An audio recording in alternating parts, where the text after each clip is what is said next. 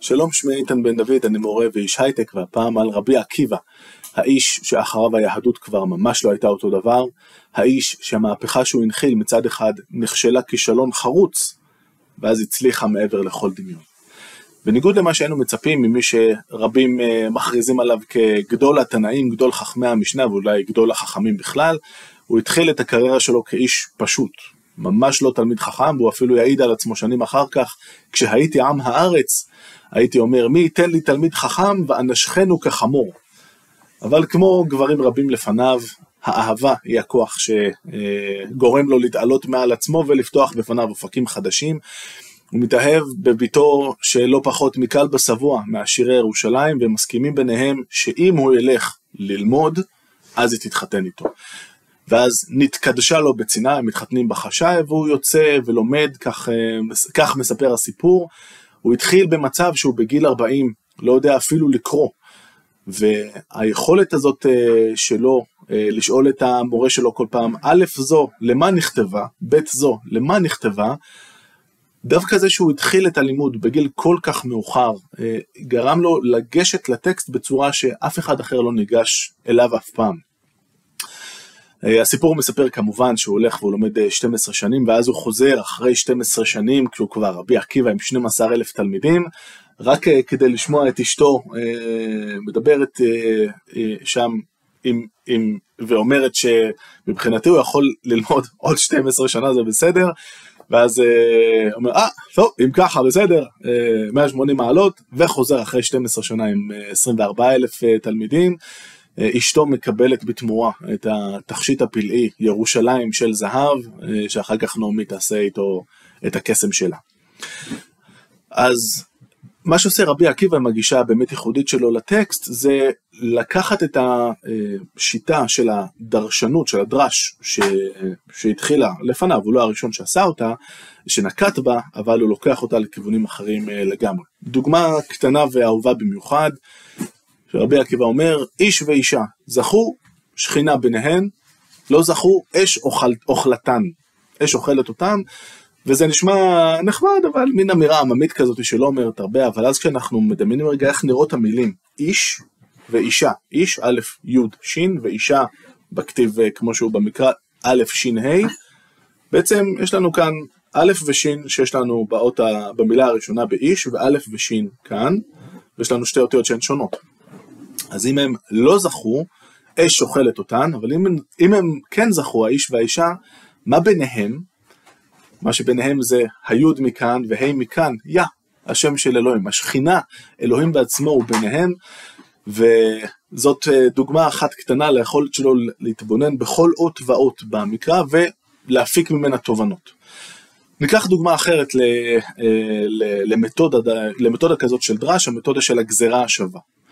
הרעיון בבסיס הוא שהטקסט במקרא הוא לא סתם טקסט שמישהו כתב אותו, אלא כל מילה ומילה, כל אות ואות, יש לה משמעות, היא לא נמצאת סתם שמה. וכדוגמה ניקח את uh, פסוק אחד שיש לנו בתורה, ויהיו בני, ויהיו בני ישראל במדבר וימצאו איש מקושש עצים ביום השבת, חילול השבת הראשון, uh, שמסתיים uh, בזה שאלוהים, שמשה שואל את אלוהים, טוב מה עושים עכשיו, וסוקלים את האיש הזה. וזמן רב אחר כך אה, באות בנות אה, צלופחד למשה ומספרות לו את הסיפור. אבינו מת במדבר והוא לא היה בתוך העדה הנועדים על אדוני בעדת כוח כי בחטאו מת ובנים לא היו לו ואנחנו נשארנו וכן הלאה. אוקיי, ואז אה, באים החכמים ואומרים רגע, יש לנו את אותה מילה פה ופה, והיו בני ישראל במדבר, ואבינו מת במדבר. זה לא סתם שיש לנו את אותה מילה כאן וכאן, התורה מנסה לומר לנו משהו נוסף, והדבר הנוסף הזה שהתורה מנסה לומר לנו זה שמי אותו אה, אב של בנות צלופחד, מי אותו צלופחד, זהו אותו אדם שהיה אה, מקושש העצים ביום השבת, אותו האיש בעצמו. מתוך התפיסה הזאת שהטקסט הוא מה שנקרא במחקר המודרני סמיך, יש לו הרבה משמעויות בתוכו, הוא מקפל המון משמעויות, אפשר עכשיו בעצם לא רק להסתפק במקום של רבי אליעזר, שעליו אה, הרחבתי כאן, האיש אה, שהגדולה שלו הייתה בזה שהוא היה בור סוד שאינו מת... מאבד טיפה, הוא יודע להעביר הלאה בצורה מדויקת את כל מה שהוא שמע, הוא לא שוכח אף פרט, והוא בעצם פשוט צינור שמעביר את הידע שכבר היה קיים ומעביר אותו כמות שהוא לדורות הבאים, זה חשוב, אבל תראו מה יש לנו כאן, פתאום כשאנחנו מתעסקים בדרש, אנחנו יכולים להתבונן בטקסט, לחפש את המילים הדומות, את האותיות ש... למה כאן יש עוד את האות הזאת, מה זה בעצם אומר לנו, אה, יכול להיות שזה אומר לנו את א', ב', ג', ואנחנו נעשים, כשאנחנו נוקטים בשיטה הזאת, לא רק מי שלומדים תורה ומעבירים אותה הלאה, אנחנו כבר יכולים לחשוף את המשמעויות שיש בטקסט, לחצוב ממנו את המשמעויות ולחשוף אותן. במידה מסוימת אנחנו יכולים למצוא תובנות וגם הלכות שלא היו קודם עד שאנחנו באנו וידענו להתמודד עם הטקסט כמו שצריך. אנחנו בעצם הופכים לא רק לצינור ולבור סוד, אלא גם ליוצרים. אנחנו יכולים להשתתף בתהליך יחד עם הבורא בעצם, של חשיפת המשמעויות של המקרא. והרעיון הזה שפתאום החכמים יכולים להפוך אה, מצינורות ליוצרים, לשותפים, זה רעיון מאוד חזק שנותן המון אה, מוטיבציה ומוסיף הרבה מאוד קסם לתהליך הלימוד של התורה. זה כבר לא רק לימוד, זה כבר יצירה. נושא נוסף אה, שאני לא ארחיב עליו כאן, דיברתי עליו אה, קצת כשדיברתי על רבי אלישע בן אבויה פה, זה העיסוק של, של רבי עקיבא בתורת הנסתר. עם הארבעה שנכנסו, שנכנסו לפרדס, הוא רבי אלישע בן אבויה, בן זומא ובן עזאי, לא נרחיב על זה כאן, אבל אה, רק נגיד שהגמרא מציגה בצורה מאוד ברורה שרבי עקיבא היה היחיד שיכול היה להיכנס לפרדס, לעיסוק בסודות הגדולים של התורה, של האלוהות, של העולם, לא כל כך ברור, ולצאת מזה אה, בשלום עדיין עם האמונה שלו ועדיין בחיים, ועדיין כשהוא שפוי, מה שלא היה גורלם אה, של שותפיו למסע. אה, קצת קשה בגלל שרבי עקיבא הוא כזאת דמות אה, אה, כמעט היית אומר מיתית למרות שהוא כמובן היה דמות ממשית קשה מאוד להבדיל בסיפורים הרבים שיש עליו בגמרא ובמסורת בין מה שהיה באמת למה, ש, למה, ש, למה שקיים רק בסיפור אחד הסיפורים האהובים עליי זה שרבי עקיבא היה מתלוצץ בעוברי עבירה, זאת אומרת היה צוחק על אנשים שמתפתים לעצר שלהם ואז השטן נגלה אליו בתור אישה אה, שיושבת בראש עץ דקל, ורבי עקיבא שוכח הכל, אה, ופשוט מטפס אה, על הדקל, ואז באמצע הטיפוס, השטן או יצר הרע עוזב אותו ואומר לו, אם אתה לא הרבי עקיבא הגדול שכולם פה עפים עליו, היית עכשיו מת בנפילה מהעץ, אבל יש לך מזל, פעם אחרונה שזה קורה. אני מאוד אוהב את הסיפור הזה, שמופיע אגב, יש כמה סיפורים מקבילים ומאוד דומים עם אותה תבנית, ברור שזה לא באמת היה, כן?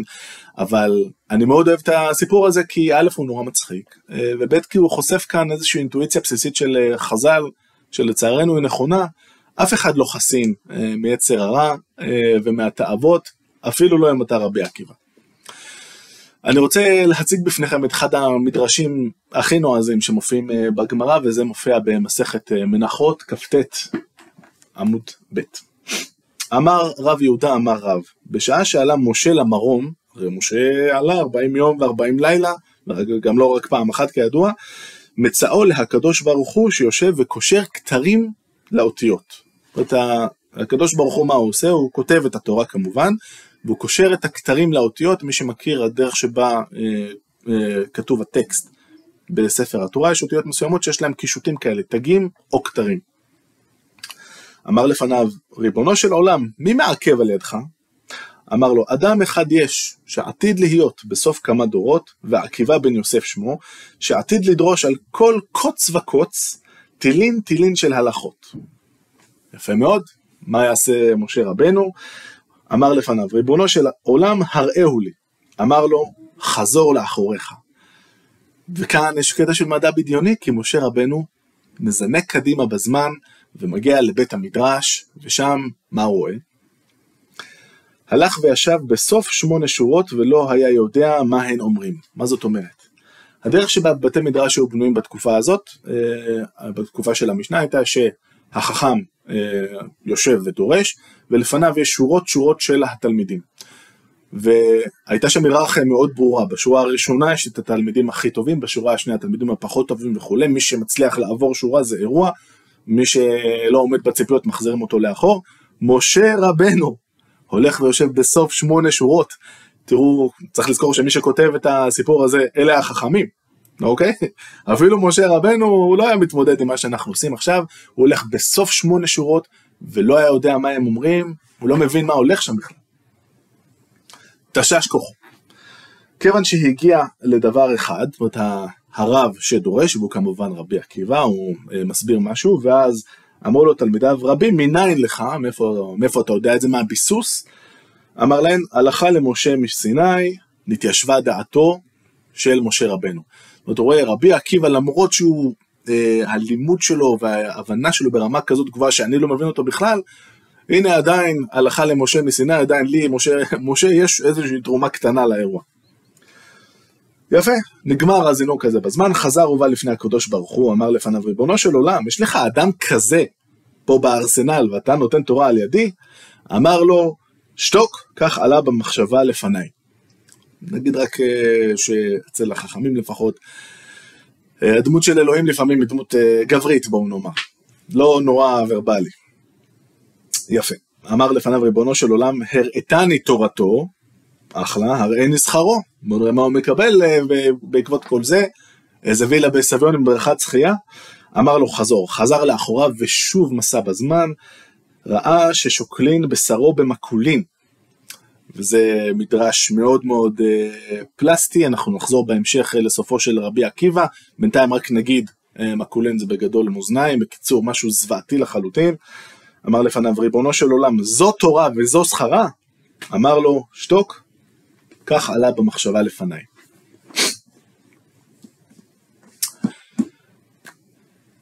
אז מאוד uh, נועז ונחזור uh, לסוף uh, של רבי עקיבא עוד רגע, אבל בינתיים משהו נוסף מההגות שלו. חביבין ישראל. רבי עקיבא מאוד חשוב לו לפתח את התודעה שעם ישראל הוא לא עם כמו שאר העמים, אנחנו חביבים יותר מהעמים האחרים. אה, וכשהוא אומר ואהבת לרעך כמוך זה כלל גדול בתורה אשר שכולנו למדנו בגן צריך אה, לשים את זה בקונטקסט הדיון שבו זה נאמר זה מול רבי ישמעאל בן זמנו וחברו הטוב ורבי ישמעאל אומר הכלל הגדול הוא שהאדם נברא בצלם אלוהים. אוקיי אז מה ההבדל ביניהם? ההבדל ביניהם הוא שבצלם אלוהים לא נבראו רק היהודים בצלם אלוהים נברא כל אדם ואז רבי ישמעאל בעצם מציג עמדה שלפיה אה, כל האנשים בבסיסם הם שווים ובצלם אלוהים, שזה נהדר, ומול זה רבי עקיבא מציג את העמדה המתחרה, לא, חביבים ישראל, יש לנו איזושהי מעלה מיוחדת שבגללה אנחנו חביבים. Uh, בסדר, אבל יש לנו בעיה, uh, שאומנם אנחנו בנים חביבים וזה תמיד uh, נחמד, אבל עם ישראל בהיסטוריה שלו, ואת זה אנחנו אומרים uh, עכשיו, אמנם כשיש לנו עוד כאלפיים שנה של יתרון uh, על רבי עקיבא של uh, פרעות uh, וכולי, זה שאנחנו חביבים לא אומר שהכל אה, נורא דבש ושושנים כל הזמן, יש הרבה צרות וצרות נוראיות, ועל זה אומר אה, עקיבא בסדר גמור, זה נכון שחביבים ישראל אבל גם חביבים איסורים. ואת היכולת שלו לדרוש את הטקסט הוא גם אומר, אה, יש, אה, יש מדרש שבו אה, מוצג העניין של אה, העמים האחרים שמקנטרים אותנו על זה שטוב אתם נורא אוהבים את הקדוש ברוך הוא אבל אה, תראו איך הוא נכנס בכם. ואז הוא מביא את הביטוי אה, משיר השירים על כן עלמות אהבוך שכאן פונים אה, האהובה פונה אה, לאהוב וכמובן לפי הרבי עקיבא מדובר במשל זה האהובה זה אנחנו והאהוב הוא אלוהים, על כן עלמות אהבוך, הוא קורא את זה אחרת, מפריד את המילה עלמות לעל מוות או עד מוות, אנחנו נאהב אותך עד מוות, גם במוות. גם על זה נחזור על זה אחר כך. עכשיו, הדיון הוא לא רק, אה, אין פה רק אה, דיון תיאורטי, זאת אומרת כש, כשהחכמים דנים אה, בשאלה מהן העבירות שעליהן אנחנו יכולים להתפשר כשאנחנו תחת איום. למשל, מכוונים לי אקדח אה, לראש, אומרים לי, תשמע, יש פה קבב, יש פה יוגורט, אנחנו מערבבים, קח ביס, זה בסדר, אני לא צריך למות על כזה דבר, אה, לא פעוט, אבל על זה לא מתים.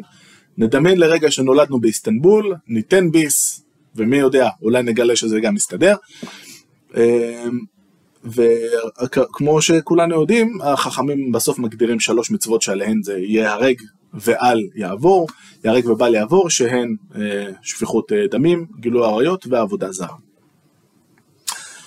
אבל יש מי שמסתייג מהאמירה הזאת, וההסתייגות הזאת שבכמה מקומות מיוחסת לרבי יוחנן, אבל בתוספתא שבת ט"ו היא מיוחסת לרבי עקיבא, במי דברים אמורים, במה דברים אמורים, שלא בשעת השמד, אבל בשעת השמד, אפילו מצווה קלה שבקלות, אדם נותן נפשו עליה, שנאמר ולא תחללו את שם קודשי.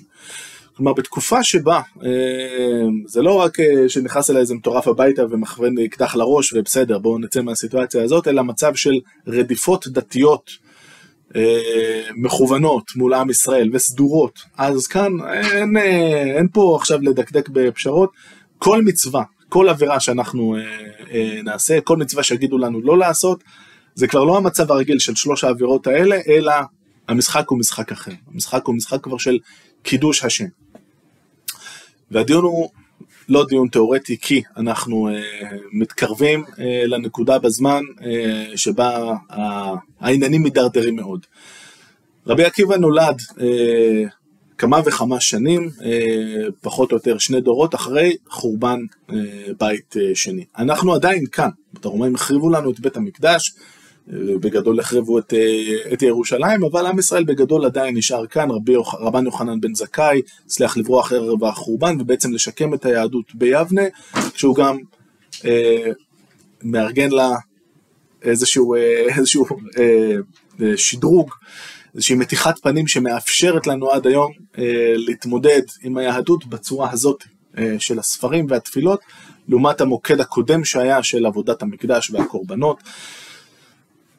אה, אבל עכשיו יש לנו את הקיסר אדריאנוס שעולה לשלטון בשנת 117 אה, והוא ככה משדרג שזה לא עוזר לנו, את המעמד של יהודה ומציב כאן עוד אה, ליגיון ואחרי כמה שנים הוא ככה מהדק את האחיזה שלו כשהוא אוכף כאן את האיסור שיש ברחבי האימפריה הרומית, איסור על סירוס. עכשיו, איסור על סירוס נשמע כמו דבר נהדר, נכון?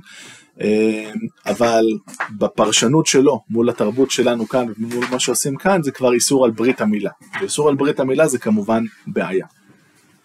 ומתחילה תסיסה בעם והתסיסה הזאת אה, מעלה הילוך בשנת 131 אה, לספירה כשירושלים אה, הרעיון כאן הוא להקים אותה מחדש והפעם כעיר אלילית, איליה קפיטולינה ויש את אה, המעמד השגרתי מבחינת הרומאים אה, של אה, החריש, של מה שהיה קודם בעיר, וזה כמובן מזעזע מאוד את עם ישראל, החריש של המקום שבו היה המקדש, וכדי להקים עיר אלילית, ובנקודה הזאת עקיבא הוא כבר מנהיג הדור, המנהיג, המנהיג הרוחני, ועולה לגדולה בר כוזיבה, שנקרא גם בר כוכבא, וכולנו מכירים אותו כמובן כאיש הירואי, ואני זוכר את השירים שלמדתי בגן, את השיר המאוד לא ברור על בר כוכבא, ש...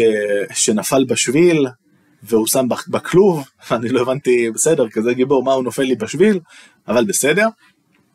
מה שאולי לא רבים יודעים, שבר כוכבא, שהיה, נראה שהייתה לו יכולת טקטית מאוד מרשימה, כי אנחנו מהמקורות הרומאים ובראשם ההיסטוריון דיון אה, קסיוס, אנחנו מבינים שהייתה שם היו שם קרבות מאוד רציניים במשך uh, שלוש שנים של uh, מרד בר כוכבא משנת 132 עד 135 עם הרבה לוחמת uh, גרילה מאוד מוצלחת מהצד שלנו והרבה מאוד אבדות מהצד של הרומאים.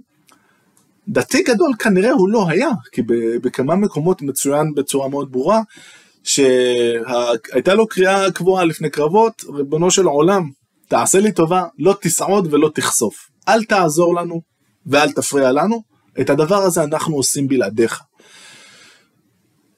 האמירה הזאת שהיום נראית לנו מאוד אה, לפחות אה, מוזרה לא הפריעה אה, לרבי עקיבא בעצם לראות בבר כוכבא את המשיח, את מי שיגאל את עם ישראל. וכאן צריך להגיד משהו על, על האנשים שמס, שמתעסקים כמו רבי עקיבא בעולם הזה של הגאולה שתגיע. אני לא חושב שיש מישהו אחד מהם שלא חושב שהגאולה מגיעה ממש עוד רגע, היא ממש כאן, וזה נכון לרבי מלובביץ', למי שזוכר בניינטיז, עם עקרונו לביאת המשיח, וזה נכון עם הסיפור על הבבא סאלי, ש... ש... שהיה לו שעון, שקיבל שעון, של הנה הדקה, השעה היא דקה ל-12, ב-12 מגיעה הגאולה לשעון, הנה עוד דקה זה קורה, וזה נכון לשבתאי צבי, וזה נכון להרבה מאוד משיחי שקר אחרים, וזה כנראה גם נכון לרבי עקיבא. קשה מאוד להתעסק ברעיונות האלה של הגאולה, והנה הנה מגיע הסוף, בלי לחשוב שהנה הנה זה ממש עוד רגע כאן.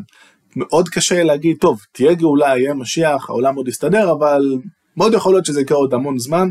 קשה מאוד כשאתה אדם שעוסק בזה כל הזמן, וזה לוקח לך חלק כל כך גדול מהאישיות שלך, העיסוק הזה בגאולה של העולם.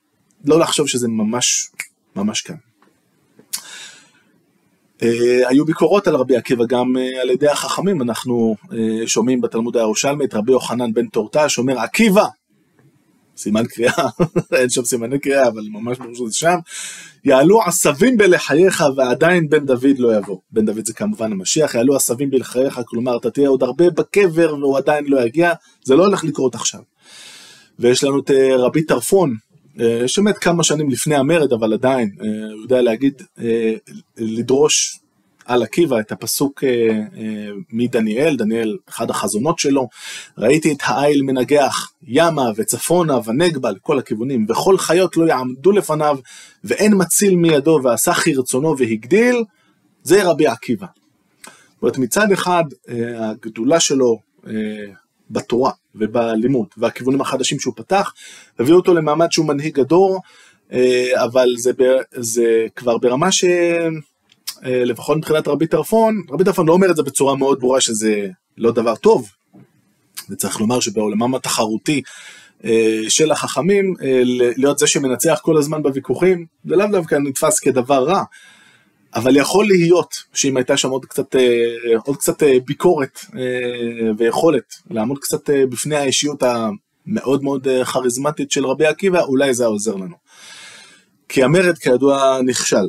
עם ישראל שוב לא הצליח לעמוד צבאית בפני האימפריה הרומאית, איכשהו הלקח הזה במהלך 65 השנים שעברו לא ממש, לא ממש נלמד, אבל יש סיבה, כי הוא לקח צבאי, מאוד ברור כמובן אה, מבחינתנו, אבל כשאתה רואה את המציאות בעיניים אחרות, ונחזור לזה עוד רגע, אתה יכול להגיד לעצמך, טוב, במציאות הצבאית של אז הם נכשלו כי הם אולי לא, לא היו מספיק אה, דתיים, לא היו מספיק טובים, אולי עכשיו המצב הוא אחר, כי ממילא המציאות היא לא... אה, מה שמניע את המציאות זה לא הדברים הרגילים והפיזיים של ניצחונות צבאיים וכולי. מה שמנהיג את המציאות זה משהו אחר לגמרי. אה, רבי עקיבא נכנס אה, לכלא לזמן אה, כנראה ארוך למדי, כי יש כל מיני סיפורים על זה שעדיין בכלא שואלים אותו שאלות הלכתיות, בכיסוי, יש כמה סיפורים מאוד יפים ויש גם סיפור מאוד מוזר לפיו הוא נשא לאישה את אשתו הקודמת של הנציב הרומאי, אמרתי, קשה מאוד להבחין במקרה שלו בין, בין המציאות לבדיה. ואני רוצה אה, לתהות איתכם מי יוריד את הראש בסופו של דבר, האם המציאות האובייקטיבית או המציאות היהודית. נזכיר שאצל רבן יוחנן בן זכאי הוא ברח מהעיר רגע לפני החורבן, והוא ידע לצפות שמי שהולך לנצח זה המציאות האובייקטיבית ולא המציאות היהודית שאומרים אה, עוד רגע אלוהים איתנו ואנחנו נקרא את הצורה לרומאים. הוא ידע לומר שהמציאות האובייקטיבית תנצח ובזכותו אנחנו עדיין כאן. האם גם רבי עקיבא ינקוט עמדה כזאת? לא. נקרא את uh, מסכת uh, ברכות, uh, ס"א ב'. יש שם דיון על ואהבת את אדוני אלוהיך, בכל לבבך ובכל נפשך ובכל מאודיך, אז מישהו אומר ככה, ואז רבי עקיבא אומר, בכל נפשך, אפילו נוטל את נפשך. אפילו אם אלוהים ממית אותך עכשיו, אתה עדיין צריך לאהוב אותו. ושוב, הדיון הוא לא רק תיאורטי. תנו רבנן, שנו רבותינו. פעם אחת גזרה מלכות הרשעה שלא יעסקו ישראל בתורה, ואנחנו מדברים שוב על הגזרות אה, של אדריאנוס. בא פפוס בן יהודה ומצאו לרבי עקיבא שהיה מקהיל קהילות ברבים ועוסק בתורה. אמר לה, אמר לו, עקיבא, אי אתה מתיירא מפני מלכות? אמר לו, אמשול לך משל, למה הדבר דומה? לשועל שהיה מהלך על גב הנהר וראה דגים שהיו מתקבצים ממקום למקום, אמר להם מפני מה אתם בורחים? אמרו לו מפני רשתות שמביאים עלינו בני אדם. אמר להם רצונכם שתעלו ליבשה ונדור אני ואתם כשם שדרו אבותיי עם אבותיכם? אמרו לו אתה הוא שאומרים עליך פיקח שבחיות? לא פיקח אתה אלא טיפש אתה. ומה במקום חיותנו, במקום שבו אנחנו חיים במים, אנחנו, אנו מתייראים, במקום מיתתנו ביבשה על אחת כמה וכמה. אגב, על אחת כמה וכמה, או קל וחומר, עוד מתודה דרשנית. אף אנחנו, עכשיו שאנחנו, שאנו יושבים ועוסקים בתורה, נגמר המשל, הגענו לנמשל, שכתוב בה, על התורה נאמר, כי הוא חייך ואורך ימיך, התורה היא החיים שלנו, היא האורך ימים שלנו, כך אם אנו הולכים ומבטלים ממנה על אחת כמה וכמה, פשוט מאוד. ואמרו לא היו חכמים מועטים, לא היו ימים מועטים עד שתפסו לרבי עקיבא וחבשוהו בבית האסורים. אני מדלג מעט. בשעה שהוציאו את רבי עקיבא להריגה זמן קריאת שמע היה. והיו סורקים את בשרו במסרקות של ברזל. שוב, מזעזע מאוד, פלסטי מאוד, וככל הנראה זה כבר באמת היה ככה. והיה מקבל עליו באותה עת עול, עול מלכות שמיים. אמרו לו תלמידיו, רבנו, עד כאן? אמר להם, כל ימיי הייתי מצטער על פסוק זה בכל נפשך, שדיברנו עליו הרגע, אפילו נוטל את נשמתך, זה מה שאמרתי. אמרתי, מתי, מתי יבוא לידי ואקיימנו? איזה כיף יהיה אם אני כבר אוכל לקיים את מה שאני מאמין בו. ועכשיו שבא לידי לא אקיימנו, היה מעריך באחד עד שיצאה נשמתו באחד. כלומר, כשהוא קיבל עליו עול מלכות שמיים, הכוונה היא קריאת שמע, הוא אמר את הפסוק הראשון של קריאת שמע, שמע ישראל אדוני אלוהינו אדוני אחד. ובואו נבין רגע מה זה אומר. עכשיו, אה, כמו שנקודה שמצביע עליה אה, הרב בני לאו, אה, מהמקום הזה לומדים את, ה, את המסורת היהודית הנוראית והנשגבת של בזמן מוות על קידוש השם להגיד שמע ישראל. אבל צריך פה לדייק, כי בעצם יש פה התנגשות של זמנים. הזמן האובייקטיבי אומר זה הזמן שבו רבי, יהודה, שבו רבי עקיבא מוצא להורג. הזמן היהודי כרגע זה זמן קריאת שמע. עכשיו צריך לקרוא קריאת שמע. ובהתנגשות הזאת בין הזמן האובייקטיבי, אני עומד למות, לזמן היהודי, זמן קריאת שמע, מבחינת רבי עקיבא אין, אין הבדל, אין, אין שאלה, סליחה, אין שאלה בכלל. הזמן היהודי הולך לנצח. מה שחשוב זה עכשיו לקרוא קריאת שמע. בטח אם יש כאן את כל המשמעויות ש... אה, שהצלחתי אה, להשיג אותן בחיי וזה הזמן לממש אותן. אז שלא כמו רבן יוחנן בן זכאי, ששוב, תסתכלו מאחוריי, קשה לומר שהוא טעה, הנה גם רבי עקיבא, אבל האם רבי עקיבא הוא טעה? כאן אני רוצה לסכם את הדיון. רבי עקיבא המציא מחדש את העיסוק בתורה. מה זה אומר ללמוד תורה? זה כבר לא רק ללמוד, זה כבר לא רק להעביר הלאה את מה שאני למדתי, אלא זה לחצוב ולחשוף דברים חדשים מתוך אה, הבנה, שאיפה, שהם בעצם גלומים בטקסט. אני לא באמת ממציא משהו חדש, זה כאילו נמצא שם, אבל ברור לכולנו שהיכולת של אדם מסוים לראות דברים בצורה אחרת מאוד תעזור לו להיות הראשון שמגלה אה, או מעצב אה, או בעצם קובע אה, דברים ש... אה, לכאורה אה, או באמת גלומים בטקסט כן או לא, אבל זה נורא תלוי בנו. עד שרבי עקיבא לא הגיע, אף אחד לא ידע שההלכה הזאת אה, קיימת בעצם, או כך צריך לנהוג לגבי עניין מסוים. באתי אני, או באתי אני, תלמידו של רבי עקיבא שנים רבות אחר כך, יש לי את היכולת להשתתף ביצירה של היהדות ובעיצוב שלה. זה דבר אדיר. הוא יצר את, ה, את עם ישראל המציא את התפיסה העצמית שלו מחדש כסיירת מטכ"ל. אנחנו האומה הנבחרת, חביבין ישראל, גם אם יש איסורים זה לא נורא, יש שאיפה לגאולה שתהיה, כי אלוהים איתנו, אוהב אותנו. והיכולת אה, של רבי עקיבא כאן, לתת איזושהי זריקה של אה, עידוד, זריקה של חיסון ליהדות, לאורך המאות על מאות של שנים שבאו לאחר מכן, עם כל כך הרבה פרעות ופוגרומים ועלילות דם וכולי וכולי וכולי. גאוות היחידה, הזמן היהודי שהוא זה שמנצח והוא זה שמשמעותי.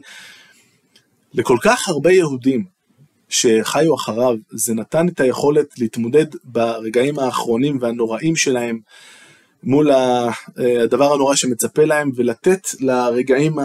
לא רק לחיים שלהם, אלא גם לרגעים שלהם בסוף, לצקת להם משמעות. ואפילו כמה שניות אחרונות אה, של שמחה וסיפוק, על זה אה, יש לי צמרמורות כשאני חושב על זה כל פעם מחדש. רבי עקיבא, המהפכה שנכשלה כישלון חרוץ והצליחה מעבר לכל דמיון. להתראות.